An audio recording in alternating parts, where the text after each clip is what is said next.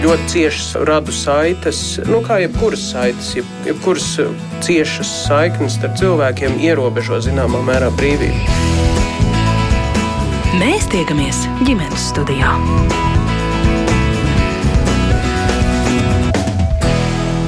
Labdien, klausītāji! Raidījuma producente Liena Vimba, es mairidz notiņu pie mikrofona.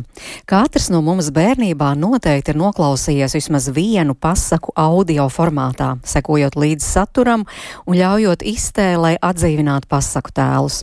Vai šāds izstāstīts saturs joprojām ir saistošs arī mūsdienu bērniem, un vai tas var būt ne tikai izklaidējošs, bet arī izzinošs.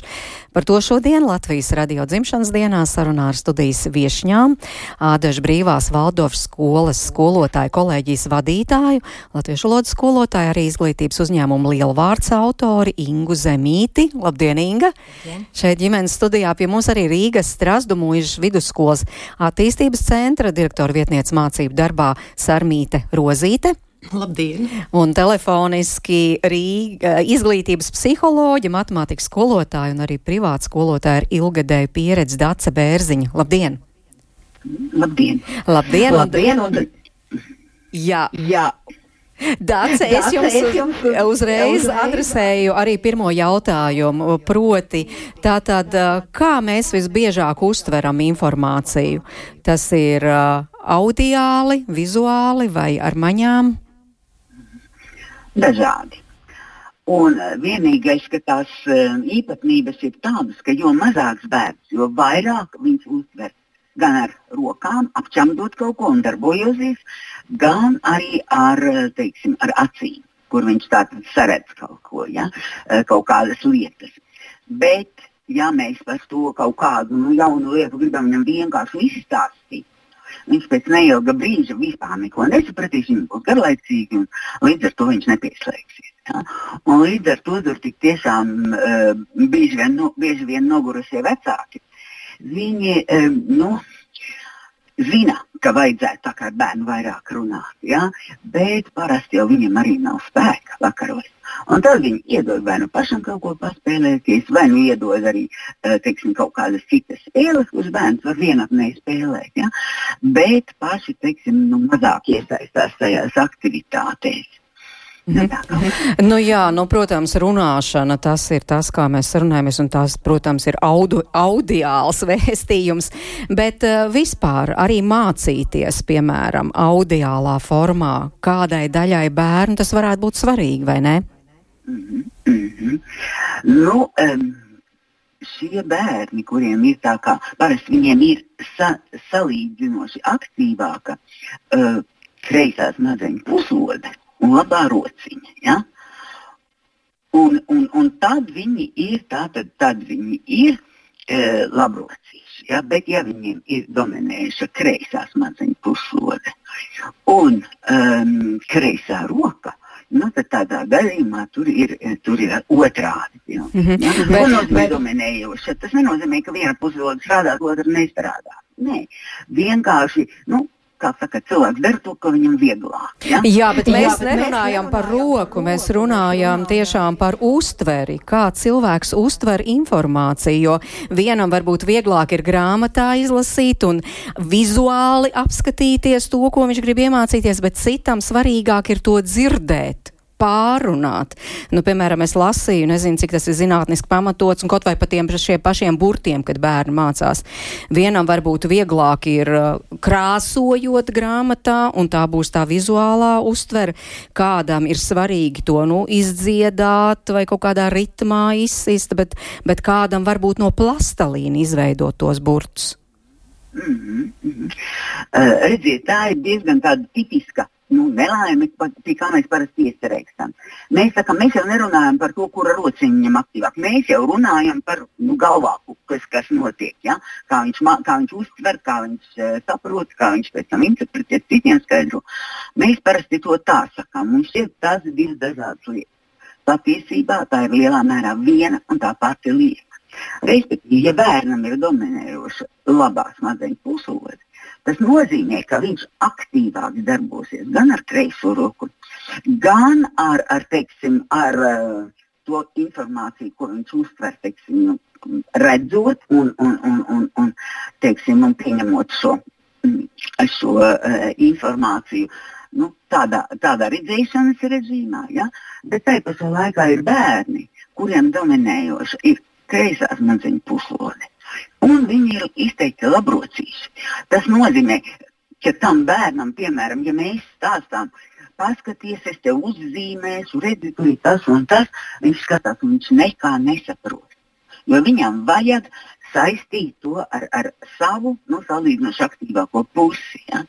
Un, un, un līdz ar to nu, ir svarīgi, tomēr, ja mēs jūtam, ka bērns ar kaut ko netiek galā, tad noteikti jāmēģina saprast, nu, kādas smadzeņu puslodes viņam ir tā aktīvākā, un tad saprast, kādas teiksim, tās nu, metodes ja, viņam būtu piemērotākas, kā vieglāk viņš uztvert informāciju. Nu, bet tad nu, biežāk, kā tad ir biežāk šo vizuālo ir vieglāk uztvert? Nu, tā vismaz tiek uzskatīts. Tā uzskatījās, jā. Ja? Mm -hmm. uh, redziet, kas ir, ka patiesībā mm, ir tā, ka jo mazāks bērns, jo vairāk viņš ir vizuāls un kinestētiķis. Ja? Respektīvi, viņam vajag redzēt, aptaustīt, apčamdīt. Ja?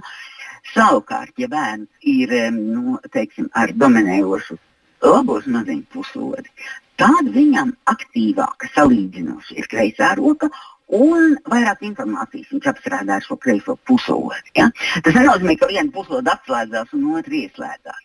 Bet tas nozīmē, tātad, ka tur ir dažādas individuālās īpatnības, kuras bērns nu, saprot labāk un vieglāk. Jā, jā. Nu, tā nu, tā stāsta Dāca Bērziņa, kas ir psiholoģija. Gribu jautāt arī skolotājām, kas ir šeit ģimenes studijā. Jūs ievērojat arī šādus smalkumus?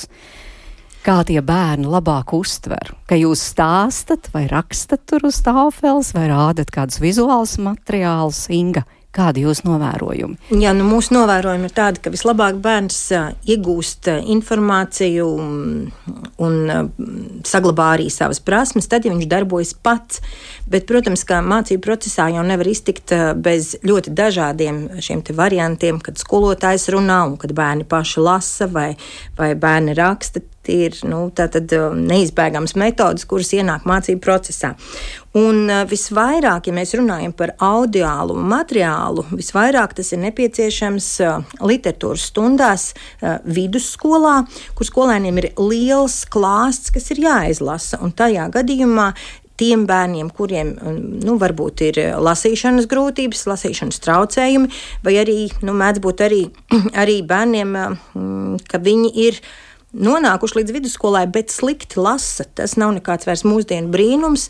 Un tad viņi meklē audio grāmatas, audio materiālu. Jo, kā jau jūs minējāt, eh, raidījuma sākumā, mēs jau katrs esam eh, audio formātā kaut ko eh, savā bērnībā, savā jaunībā lasījuši, nevis lasījuši, klausījušies. klausījušies jā. Jā. Un, ja es, piemēram, ļoti labi atceros plates. Mēs jau nekad neteicām audio grāmata, ja tā mums bija plate, un, un manā, manā paudzē noteikti sniegbaltītu skolu gandrīz katrs var, var norunāt nu, no galvas, vai, vai savukārt tad, kad eh, mani bērni bija mazi, tad bija kasetes un diski, un tad, piemēram, viņi var atkal runāt ļoti daudz par herbi. Bet tas, manuprāt, ir mazliet cits aspekts. Tas ir tas, jūs teicāt, gan izklaide, varbūt tāpat nav izklaide. Es zinu, ka es klausījos šīs audio uh, grāmatas, tad, kad es biju slima un nevarēju lasīt, kad acis sāpēja. Bet šodien, man liekas, mācību procesā ir ļoti labi, ka var izmantot šo audio grāmatu tādos brīžos, kad Nu, kad cilvēks brauc uz skolu vai atrodas lidmašīnā, nu, vienalga kādā situācijā, un nu, man ļoti priecēja, piemēram, ka Gunārs Abotiņš ir ierunājis dekameronu. Nu, absolūti ideāls variants, jo nu, dekameronu, lai izlasītu, nu, tur ir pamatīgs laiks vajadzīgs. Un, nu, lai nesātu līdzi dekameronu tramvajā, nu, tur ir atkal pamatīga soma vajadzīga. Bet, ja es vēlos noklausīties šādu grāmatu, tas, protams, ļoti atvieglo. Un līdz ar to Man liekas, ka nu, visvairāk audio grāmatas tiek izmantotas vismaz mūsu skolā, literatūra mācoties vidusskolā. Mm. Tad jūs kā skolotāji visbiežāk uh, iesakāt, Jā. piemēram, ka ir vispār šāds variants, Jā. ka nevienmēr ir jālasa, ka var arī noklausīties grāmatu. Bet vai jūs izmantojat arī stundas laikā? Protams, ne. ka tas, ko jūs stāstat, tas arī, arī ir audiāls saturs, bet vēl kaut kā izmantojat stundas laikā. Stundas laikā, stundas laikā audio grāmatu es neizmantoju. Nu, bet tas ir arī tīri personīgi personīgi, nu, es kā literatūras skolotāja, varbūt kāds cits skolotājs arī izmanto. Bet es zinu, ka, piemēram, um, sākuma skolā, 4. klasē, um, bērni vēlējās lasīt kopā ar skolotāju Astrīdas Lindgrēnas darbus, un nebija iespējams nopirkt. Un tad arī tika izmantota audio grāmata, un tad gan arī klasē pa kādam gabaliņam tā tika atskaņot, jo bija nepieciešami kādi konkrēti fragmenti, kurus apstrādāt. Kā skolēni uztvēra? Um, ar lielu tādu interesi viņiem nu, bērni, kuri, kuri nav ar šo saskārušies, viņiem pirmajā mirklī liekas, ka tā ir izklaide. Bet tad, kad tas ienāk kā, nu, kā loģiska metode, tad tas, protams, um, pāriet no šīs izklaides uz mācīšanās mm. procesu. Jo vizuālais saturs tomēr ir pierastāks mūsdienu bērniem nekā šāds. Jā, bet lasīšana audiāls. jau vispār šobrīd ir tāds uh, jautājums, par kuru ir jārunā, jārunā un jārunā. Un var jau būt, ka tagad ir atkal kaut kāds atspērienu punkts, lai pie grāmatām mēs varētu ķerties vairāk nekā tas nu, bija iepriekšējos gados.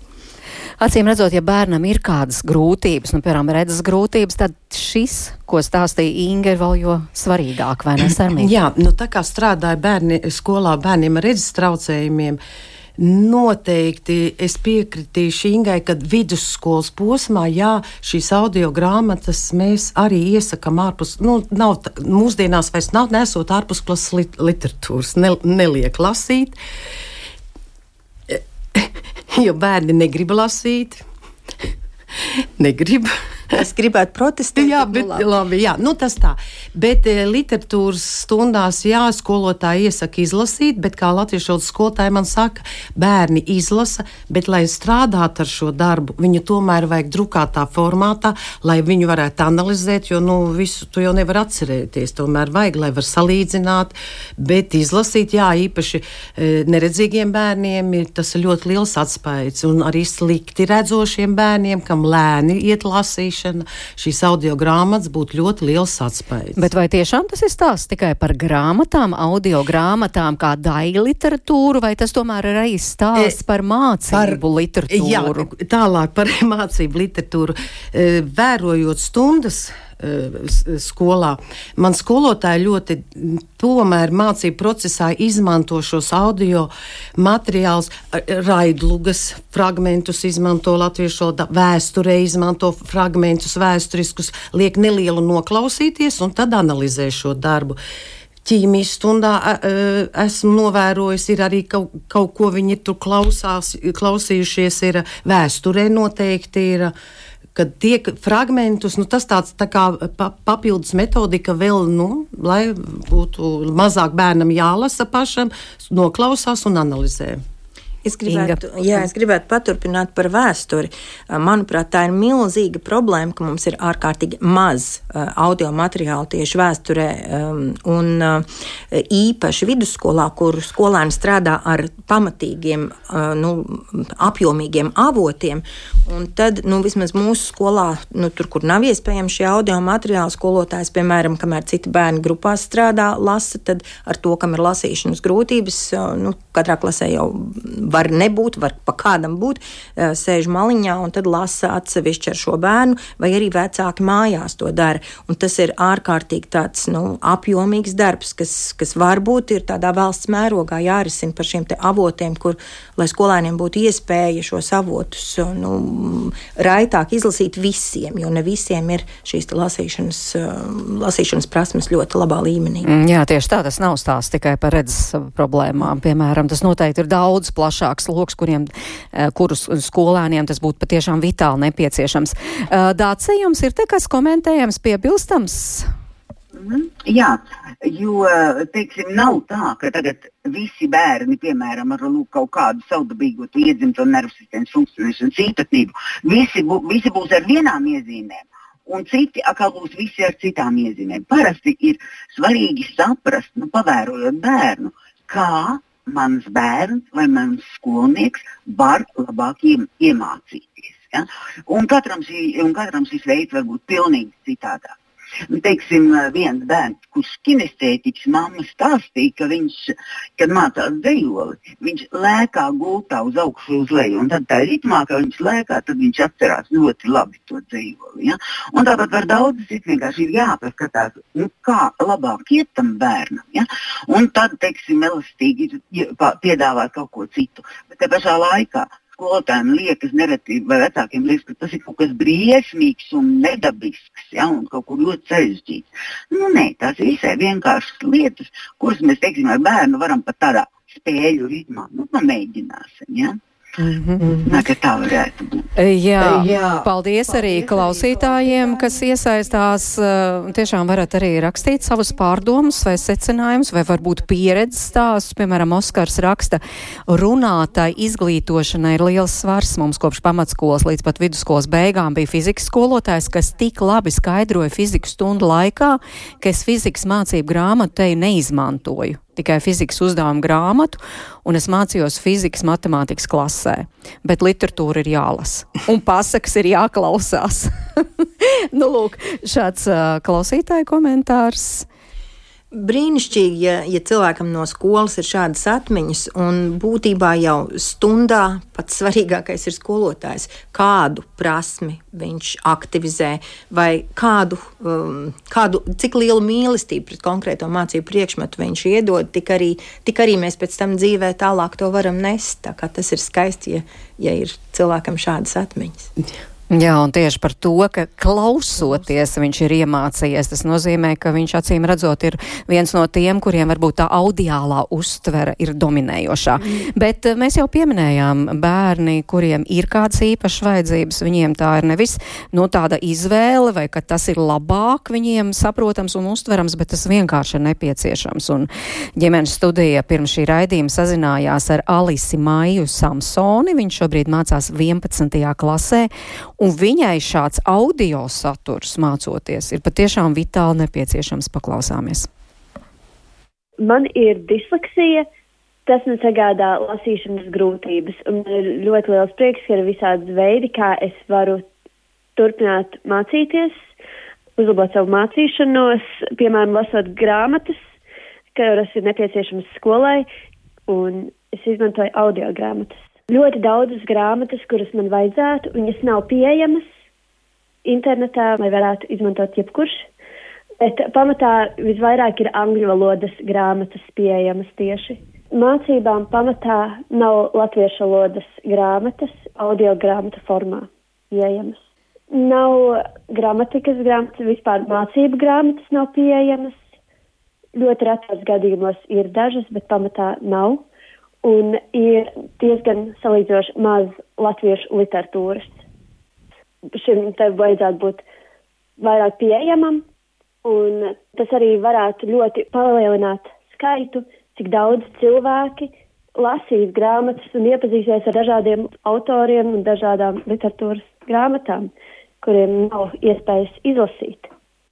Bet kā tad jūs mācaties? Es mēģinu pati lasīt. Man ir atbalstoša skola, kas man palīdz ar visādiem veidiem. Piemēram, dažreiz skolotāji izlasa priekšā kaut ko, ko vajag, bet tā pamatā vecākiem jālasa priekšā grāmatas.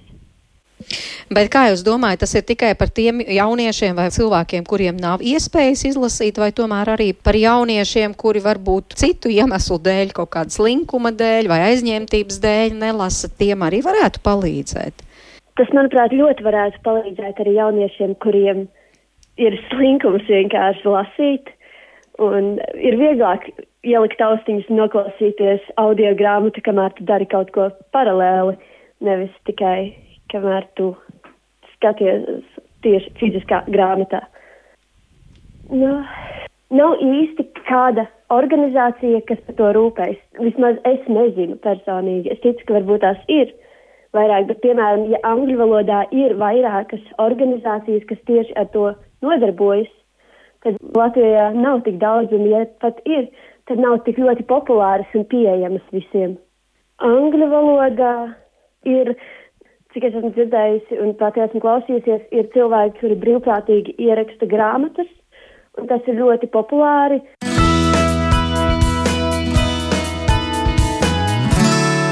Nu, lūk, Alis no savas pieredzes saka, tomēr grūti pieejams. Viņai vajadzētu, piemēram, jo Alisai ir disleksija, viņai vajadzētu ne tikai šādu daļu literatūru, arī mācību daudzas grāmatas, kas būtu nevis lasāmas, bet klausāmas, lai vecākiem vai skolotājiem nebūtu jālasa priekšā. Jā, es gribu teikt, ka mums ir ļoti liela sadarbība ar Latvijas neredzīgo biblioteku. Viņi pat blakus mums skolai ir.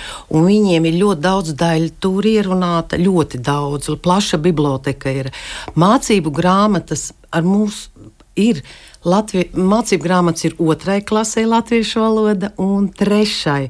Un tad ir 6, 7 klasē vēsture un sociālās zinības, ja, un 7, 8 klasē ir ieruna vairāk. Nu, pašlaik ir tādas grāmatas, kuras es zinu. Uh, mm -hmm. mācību grāmatas. Nu, kā tās tiek ier, ierunāts? Kas ir iniciators? Ka, Biblo... piemēram, vajag à. otrai un trešai jā. klasē, bet, piemēram, piektai klasē nevajag latviešu valodu. Nu, jā, ja tā grāmatu. godīgi, tad es gribētu teikt, tai otrai, trešai klasē. Nu, varbūt arī viņas nevajag. Vajadzētu vidusskolai vairāk, jo otrā, trešā, nu vienalga tam bērnam vajag to grāmatu, lasīt, rakstīt. Tur bija viena mamma, kas bija iniciatora, kurai vajadzēja, un tā viņa arī ierunāja. Bet, nu, tā kā ar mums, ar skolu, tika, nu, tā mēs tās vēstures tā vairāk domājam, ka tā vēsturi vairāk vajag. Jo, nu, tie citi priekšmeti tā kā. Mm -hmm. Inga, kā jūs teiktu? Jā, nu, mums ir pat arī tāda pieredze, ka Covid laikā digitālo stundu ietveros retorikas skolotāja literatūras, eh, literatūras laikā ar skolēniem, ar klasēm eh, veidoja audio materiālus, eh, kurus var izmantot gan mūsu mm -hmm. kaimiņi, nu, tātad strasdu mūži, mm -hmm. gan arī varbūt mums pašiem. Tādas laikam tika izveidotas trīs. Un uh, mūsu sapnis, mums, mums skolā strādā mm, arī skolotāji, kas strādā ar bērniem, kuriem ir lasīšanas grūtības, un viņas sapnis ir iesaistīties projektā un ierunāt grāmatas vai nu pašai vai kopā ar skolēniem. Mēs esam interesējušies daudziet Latvijā, bet neesam guvuši nekādu atbalstu šajā, progres, šajā procesā. Nu, tad nu, mēs varbūt atradīsim kādu spraugu kādā Eiropas projektā, kur mēs varētu šādā veidā nu, palīdzēt. Viņi ir arī uh, profesionāla um, subtitru ierunātāji, un līdz ar to tas, tas varētu būt ļoti tāds veiksmīgs projekts, un arī ir bērni, kuri labprāt iesaistītos šādā sociālā projektā.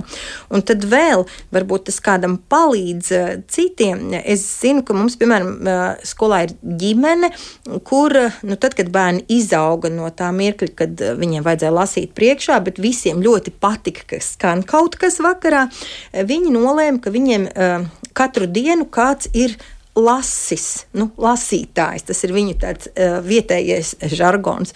Un tad viņi, piemēram, lasa daudz ko, un viņiem arī nav problēma to ierakstīt, lai tas kādam būtu nu, lietojams. Bet uh, man šķiet, ka tas varbūt ir vairāk jāaktualizē Latvijā. Mm -hmm. Jā, tiešām, jo, kā mēs dzirdējām, Alis saka, ka pasaules pieredze liecina, bieži vien tas tiešām ir brīvprātīgo darbs, nevis kāds tur um, valsts institūcijas, piemēram, obligāts pienākums. Jo es, kad runāju ar jauniešiem, es jautāju, cik daudz jūs izmantojat audio grāmatas, audio materiālus. Tad meitene man arī teica, viņa angliski lasa daudz grāmatas, angliski, ka ir šie materiāli, ir tās grāmatas, bet latviešu valodā ir maz tā kā teica. Mm -hmm. Jā, bet uh, svešu valodu mācoties, tas laikam e, īpaši svarīgi. Jā, nu, grib... Piemēram, valdes mums jā. raksta, vai, ah. vai vispār ir iespējams apgūt valodu, jeb kādu valodu bez klausīšanās, jo viss fonētika un vārdu veidošana taču tiek apgūta klausoties un runājot. Un uh, valdes raksta, manuprāt, svešu valodu apguvē šim aspektam ir patiešām ļoti būtiski. Viennozīmīgi. Tas ir primārais svešu valodas stundas, taču nepārtraukti ir audio ieraksti, viņi klausās atkārto runā jau sākot no pirmās klases. Jā, tas ir pilnīgi. Nu jā, mēs to nepieminējām. Jā, tas a, nu, pats par sevi saprotams, jo, nu, valoda. Tieši tā. Nu, mūsu skolā ļoti daudz skolēni dodas varbūt ārpus Latvijas un satiek uh, oriģinālās valodas lietotājus un, un uh, runātājus, un varbūt līdz ar to mums svešvaloda audio nav tik ļoti nepieciešams. Bet, protams, ka tas tiešām ir pašsaprotami, ka svešvalodā tas varētu ienākt mācību procesā kā, kā loģiska mācību sastāvdaļa. Jā, bet atgriežamies pie jautājuma, kur tad atrast šīs grāmatas, nu, piemēram, Gundaga raksta eh, pieeja, kur tad šīs audio grāmatas ir pieejams, ja skolas bibliotekā tā to nav. Un, piemēram, Sarmīta pieminēja, tā, tad tas varētu, un tas šobrīd ir neredzīgo bibliotekas piedāvājums. Jā, jā. Iespējams, ka viens no lielākajiem, eh, bet es, piemēram, lasīju, ka tur tomēr tas cilvēku loks, kas var piekļūt šīm grāmatām, ļoti ierobežots. Proti, ir jābūt vai nu neredzīgai personai, vai personai ar redzes traucējumiem, kur dēļ nespēja lasīt rakstu darbus parastajā drukā, kā to var personas bez šādiem traucējumiem. Nu, nu, piemēram, nu, tie varētu mm -hmm. būt mhm. arī seniori. Mm -hmm. Tad var piekļūt arī persona ar uztvers traucējumiem vai ar citādām lasīšanas grūtībām, kur dēļ nespēja lasīt rakstu darbus līdzvērtīgi personām bez šādiem traucējumiem. Tie, piemēram, cilvēki ar disleksiju un persona, kuru fizisku traucējumu dēļ nespēja noturēt grāmatu, rīkoties ar to, fokusēt skatienu un tam līdzīgi. Tas nozīmē, ka tie, kuri gribētu piekļūt, tāpēc, ka, nu, piemēram, nav laika izlasīt, kaut vai tie paši skolēni, kur gribētu tur uh, to, kas ir jāizlasa, vienkārši ielikt austiņas un braucot uz skolu klausīties, viņi nevar šīm grāmatām vismaz neredzīgo bibliotekā piekļūt. Nu, tas ir pareizi. Nu, Nu, jā, es nezinu, vai tas ir pareizi. Viņiem tāds nolikums tāds ir jau no pirms sākumiem. Nu, nezinu, jā. Bet droši vien, ja pie jums dotos un lūgtu, uz biblioteku, jūs, kad dotos, jūs neatteiktu. Es zinu, ka mums sadarbība protams, ar jums ir jā. bijusi un vienmēr ne, nu, Tur jau tad uz biblioteku jādodās un, jā. un tad jāpiereģistrējas. Droši vien, ja ir liela vēlme tad jau arī var dabūt. Es var domāju, ka tā ja cilvēkam ir liela vēlme.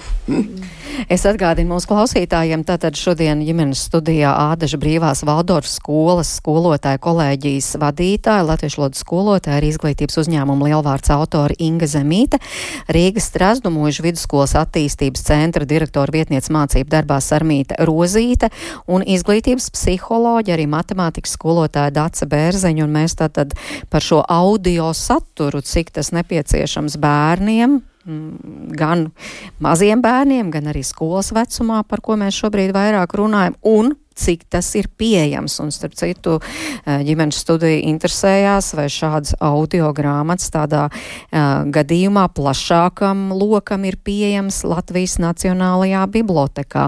Atbildi bibliotekas aud audio-vizuālā krājuma vadītāja Zane Grossa, un viņa uzsver, ka šobrīd bibliotekā ir pāris tūkstoši eksemplāru, bet pēdējos trīs gados krājums ir papildināts ar 450 audio grāmatām. Lūk, viņas stāsts.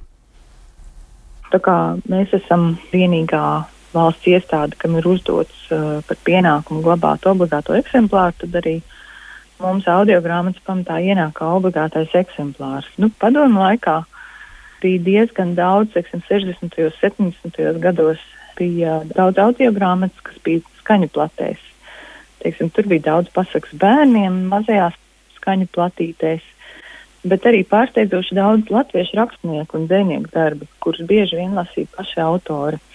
Nu, piemēram, tur var dzirdēt tādu autoru balsu kā Mirts Čēmis, Arvīts Grigūs, Arī Elksne, Izma Belševics, Zigmunds Skojiņš, Šimans Iedons un daudz, daudz citi. Un, uh, varētu teikt, pēc tam tāds lielāks audio grāmatu uzplaukums bija mūsu gadsimta jau pirmajā un otrajā desmitgadē, kad CD formātā jau tika izdots diezgan daudz un dažādu satura audio grāmatas. Piemēram, tāda izdevniecība apostrofs izdeva dažādu latviešu autoru, tur dzēju stāstus, romānus, bet bija arī tādi tā kā izglītojuši ieraksti, piemēram, ievads stipro alkoholisko dzērienu kultūras vēsturē un tam līdzīgi. Bet ir tā, ka uh, pie mums šīs audio grāmatas var noklausīties uz vietas bibliotekā jo mums ir nacionāls nozīmes krājums un mēs pamatā neizsniedzam līdzi. Un līdz ar to tad, teiksim, interesi uz vietas klausīties ir diezgan maza. Un, uh, ir bijuši cilvēki, kas uh, nu, meklēja kaut kādu konkrētu audio grāmatu. Vai, piemēram, ir bijuši cilvēki arī no Ukrainas, kas interesējās par klausāmajām pasakām. Un, uh, tāpat arī ir interesējušies cilvēki, vai var paņemt uz mājām saviem tuviniekiem, kas varbūt sliktāk redz. Un tad vēl viena grupa ir vecāki ar bērniem, kas ir nākuši klausīties tieši pasakas. Un, uh, tas ir arī, lai papildinātu vārdu krājumu, vai arī pieaugušie, kam latviešu valoda nav dzimtā, tad viņi klausās šo audio saturu latviešu valodā. Bet tad, tad ir tomēr pieprasījums pēc tām grāmatām. Nu, es domāju, ka noteikti plašākā sabiedrībā ir, un uh, es jau arī paskatījos, tagad ļoti daudz piedāvā arī, piemēram, kaut vai tas pats Spotify. Nu, protams, tur ir vairāk angļu valodā, bet ir arī šis tas latviešu valodā audio grāmatas, un, un bez šaubām, ka cilvēki vienmēr meklēs iespēju noklausīties no mājām. Es domāju, vai, teiksim, ejot pastaigā vai braucot ar riteni, nu, ar mūsu audio grāmatām tas, diemžēl, nav iespējams, ja, bet mums vairāk tas uzsvers uz saglabāšanu, ka viss, kas ir Latvijā izdots, mums ir jāsaglabā. Bet pieprasījums, es domāju, ka noteikti ir sabiedrībā.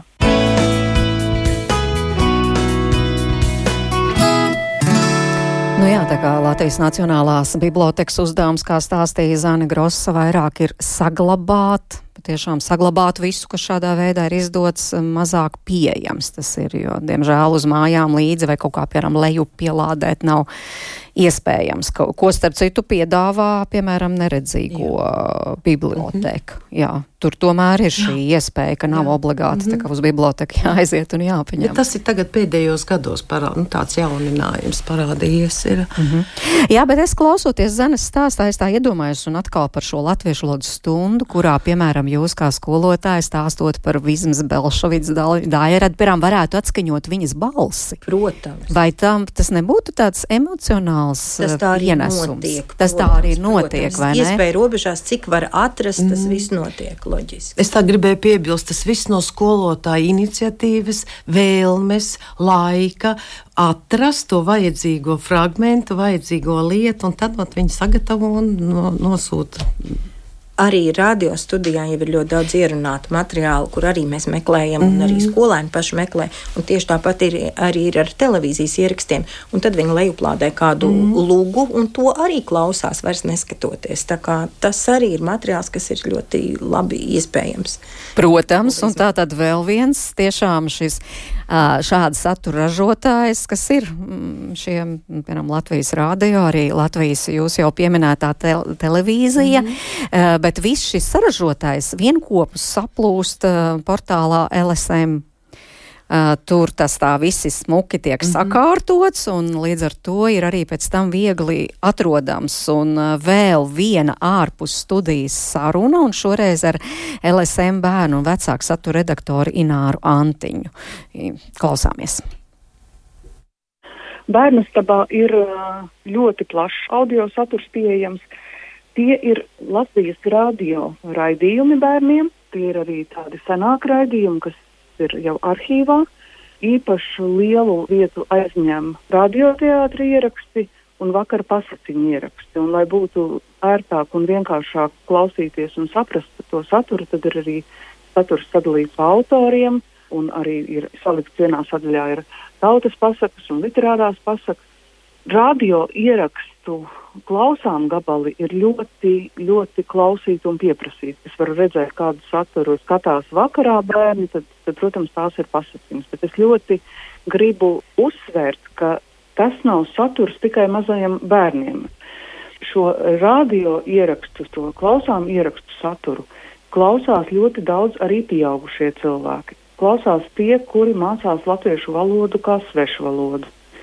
Šo saturu izmanto skolēni, kuriem skolā ir e, literatūras stundās, varbūt angļu valodas stundās vai kādās citās nodarbībās, vēstures stundās ir nepieciešams šis materiāls. Es, piemēram, zinu bērnus, kuri saka, mums ir jālasa literatūras stundā kāds konkrēts darbs, tā darba ieraksts ir atrodams pie mums, un viņi to izmanto. Nevis lasa grāmatās, vai varbūt arī izmanto šos abus avotus paralēli. Uh, Arī pieaugušie izmanto šo saturu, piemēram, pedagogi, gatavojot mācību stundas, jo bērnu raidījumos ir eh, vienkārši izstāstīti dažādi notikumi, vēsturiski notikumi, dažādi procesi un, un, un lietas, kuras varētu interesēt bērnus, pedagogus, un tas pielietojums tam ir ļoti plašs. Kā tev pašai šķiet, pietiekami daudzpusīgs ir šis piedāvājums? Īpaši domājot, piemēram, par to latviešu literatūras pieejamību audio formātā, jo skaidrs, ka pasaciņas ir vienmēr klausīts un ļoti populārs, un ir arī liels piedāvājums, bet kā ar šo? Latviešu literatūras piedāvājums uh, radioteātrī ir diezgan apjomīgs. Tur uh, laiku pa laikam atkal ir jaunie latviešu autoru darbi ierakstīti vairākos turpinājumos. Tā kā nevarētu sūdzēties, ka šī piedāvājuma nebūtu. Protams, būtu jauki, ja būtu vēl vairāk, bet manuprāt, tie ieraksti ir simtos. To ierakstu ir ļoti daudz. Bet ir arī tāda klasika, ko varbūt tiešām skolēni nelabprāt lasa, bet kas ir būtu jāizlasa vai vismaz jānoklausās. Jā, ir arī klasika, un ir ļoti jauki, ka šie materiāli ir sagatavoti īpaši bērniem. Nu, piemēram, šobrīd es uh, gatavojos nākamā mēneša pasākumiem, ko mēs bērnistabā rādīsim, un es skatos, jā, tur ir, piemēram, eposa, lāčplēses, vienkārši um, ieraksts tāds kā pārstāstījums, kas palīdz bērniem saprast eh, šo saturu, jo mazi bērni nebūs spējīgi izlasīt epos lāčplēs. Bet tas ir sagatavots tādā formā, ka bērniem tas ir uztverams. Tāpat ir ar, ar daudziem citiem ierakstiem, ka tie ir tieši bērniem sagatavoti. Bet arī tajos bērnu raidījumos, kas ir arhīvā, tur tas tēmu klāsts ir ļoti, ļoti plašs. Nu, tā kā faktiski, jā, visa tā bagātība, kas ir Latvijas radio pārziņā, tā visa ir atrodama, visvienkāršāk atrodama tieši LSM bērnistabā, tā varētu teikt, vai ne? Tā varētu teikt, ka visvienkāršāk ir atrodama LSM bērnistabā, jo tādēļ, ka tur ir viss saturs, kas ir domāts bērniem vienu vietu. Tur arī citi ieraksti, ko mums ir studenti veikuši, kas ir no kādiem citiem projektiem, arī tādus tur var atrast. Bet, protams, galvenā satura daļa ir Latvijas radio ieraksta bērniem. Bet tas, ka viss saturs ir pieejams vienopus, viss saturs ir salikts viegli pārskatāmi, lai redzētu, kāds materiāls tur apakšā ir, nu, tas ir noteikti ļoti palīdzoši.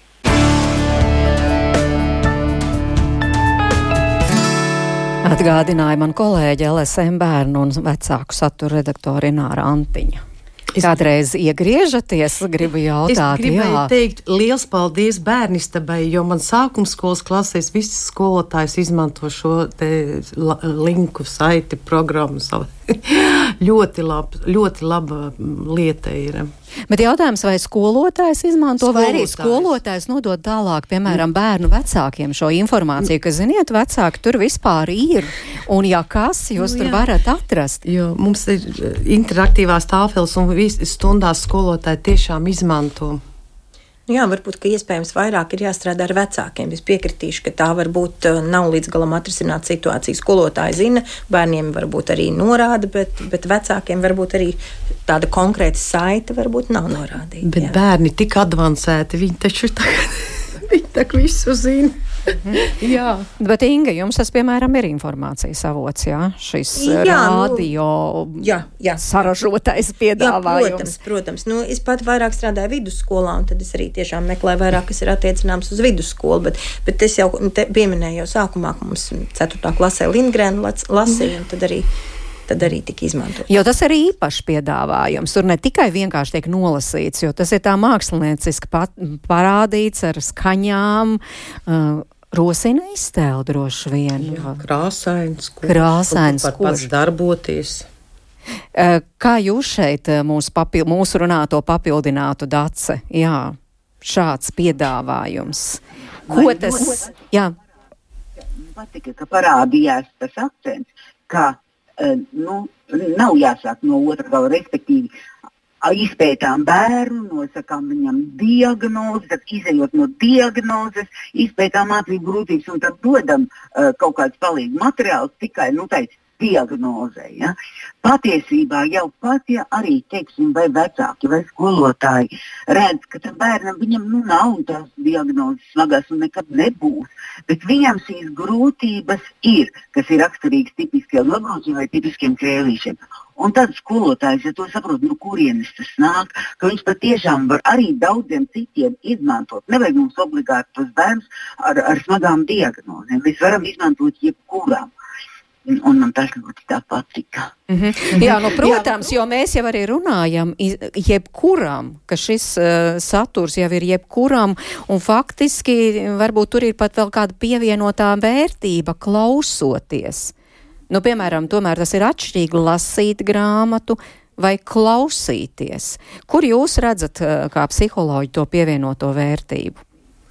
Varbūt ir tas, ka bērniem ir uh, nu, viņi labāk uztver informāciju. Ja pēc dzirdētā viņi spēj izveidot sev iekšēju redzes tēlu par to, ko viņi tagad dzird. Ja? Līdz ar to ir ne tikai no svara, ko mēs lasām, bet arī kā mēs lasām. Un, jo mēs izteiksmīgāk lasīsim, tāpēc ir ļoti no svara, tiešām iedabūs šos aktīvu ierakstus. Ja? Bet jo vairāk mēs uh, lasām tiksim, izteiksmīgi ar akcentiem, jo vieglāk šī informācija ir saprotama. Un smieklīgi, tas nav tikai literārie darbi. Tas arī ir piemēram gan matemātikā, gan fizikā, ja, ka, jo izteiksmīgāk es rosinu bērna iztēli jo labāk viņš saprot. Ja? Tātad viņam ir jāspēj iztēloties tas, kas notiek. Un ir vēl viena lieta, ka ļoti bieži nu, tiešām bērnam ir telefons, vecāki aizņemti. Un viņš pamatā tikai uz to redzes informāciju. Šobrīd sākuma skolas skolotāji diezgan daudz saka, ka uh, tieši sākuma skolas skolēni, salīdzinot ar agrāku laika periodu, viņi slikti uztver vārdisko informāciju, vārdiskās informācijas jēgu. Ka, ja mēs viņam parādām bildi, ja, à, tad viņš saprot. Bet, ja mēs tikai pasakām nu, ar vārdiem kaut ko, tad bērns bieži vien nespēj iztēloties, jo viņš nav pieredzināts to darīt. Tādēļ, teiksim, lai bērniem būtu vieglāk, viņiem noteikti vajadzētu gan no skolotāja, gan no, skol, gan no vecāku puses panākt to, ka viņš iztēlojas. Nu, ko es tagad saku, kas te tagad ir, kas tagad notiek, kā tu to saproti, kāds varētu būt. Ja? Un, un cik tiešām šīs nu, tātad iz, iz, izklausās, ka šīs uh, teksti, ko tu bērns tikai dzird un runā, ja, ka patiesībā viņš norunā automātiski bet viņš neiedziļinās, kas tas ir, ko viņš zināja. Un tas gandrīz vai ir svarīgāk šobrīd. Ja? Mm -hmm. nu, tieši mhm. pēc tā, kas notiek ar bērniem, kuriem varbūt pat nav šī, šī diagnoze. Ja? Bet, bet vienkārši bērniem, kuri maz ir, ir komunicējuši ar citiem, un, un, un līdz ar to viņi nespēja īsti izprast tikai vārdos un pateikt informāciju. Bet vai šai ziņā palīdzoši būtu arī šādas uh, audio grāmatas, vai nu maziem bērniem jau visvairāk pasakas, jo mums arī valdes raksta runājot tieši par pasakām, tad šis audio grāmatu formāts pēc manām domām ir vislabākais. Piemēram, pasaka par diega biksi, kur bija lieliski ieskaņot, šķiet Rudolf Plēpju balsī man bērnībā radīja ļoti lielisku iztēles piedzīvojumu. Taču, kad pienāca kārt šo grāmatu izlasīt meitai, skolas darba ietvaros man tā vairs nešķita interesanti. Manuprāt, ārkārtīgi liela nozīme ir kvalitatīvi ieskaņotam ierakstam. Protams, ja? un līdz ar to tātad, eh, jo vairāk teiksim, vecāki pieradinās, ka ne tikai klausīties un tīri nu, fizioloģiski sadzirdēt, bet apjēgt, kas tas ir, ko es esmu sadzirdējis, iztēloties, kas tur notiek. Ja? Tas ir ļoti svarīgi. Neatkarīgi no tā, vai bērnam ir šī diagnoze vai nav, bet katrā ziņā viņam tas palīdzēs jebkuram bērnam. Ja? Šī iztēlošanās. Jā, nu par pasakām jā, nu, droši vien varētu būt īpašs stāsts, vai ne? Jā, nu pasakas, jo bērni labprāt klausās, un tiešām kā aktieri ierunā, tas jau ir iztēli rada, veicina bērnam. Es šeit mazliet savādāk skatos, citādāk skatos uz šo aspektu, jo, jo izskanēja, izskanēja teikums, jo izteiksmīgāk, jo labāk. Um, mēdz būt arī tā, ka uh, kāda cilvēka izteiksme kādu citu cilvēku var ļoti kaitināt, un tad var iegūt tieši pretējo um, efektu. Viņa lielā izteiksme uh, atgrūž klausītāju, un līdz ar to man šķiet, ka svarīgāk ir, dikcija ir skaidra un teksts ir saprotams. Jo ja mēs, nu, to pašu sniegbaltītu skolu, ko es pieminēju, es jau vairs viņu neuztveru saturiski. Es viņu uztveru tikai ar šī lasītāja dikciju. Un līdz ar nu, nevis dikciju, bet intonāciju un, un, un, um, un, un šo izteiksmi. Līdz ar to tā uztvere var arī būt uh, mazliet deformēta. Tāpēc es teiktu, ka nu, teikums, jo izteiksmīgāk, jo labāk mm, bērnam, kurš, uh, kurš mācās klasē un kur ir dažādi varbūt tie bērni, ka visiem viens šablons noteikti nederēs. Nu, protams, nē, tas ir vairāk par vecākiem, kur varbūt, un, kuriem ir pirmskolas vecuma bērni, un varbūt, kuri arī tiem, var piedāvāt šo audio saturu. Tiem es ieteiktu tomēr lasīt pašiem priekšā, ja vien tāda iespēja. Es domāju, ka tad, kad bērni nu, kļūst pieaugušāki un vecākiem varbūt ir vairāk darba, kad mēs varbūt vairāk izmantojam šos audio materiālus, tad nu, tas var būt kā aizstājējs vai kā nu, vai kā vēl viens variants, bet mazam bērnam, manuprāt, tomēr svarīgi ir, ka tieši vecāks lasa priekšā. Klātbūtne vecāku, kontakts tiešais. Mhm, Dāce? Jūs ļoti labi pateicāt to, ka ir svarīgi, cik bērns jūtas emocionāli patīkami, tad, kad viņam lasa tā pasaka. Tas patiešām ir vai, vai kāds cits stāsts. Ja? Tas patiešām ir svarīgi.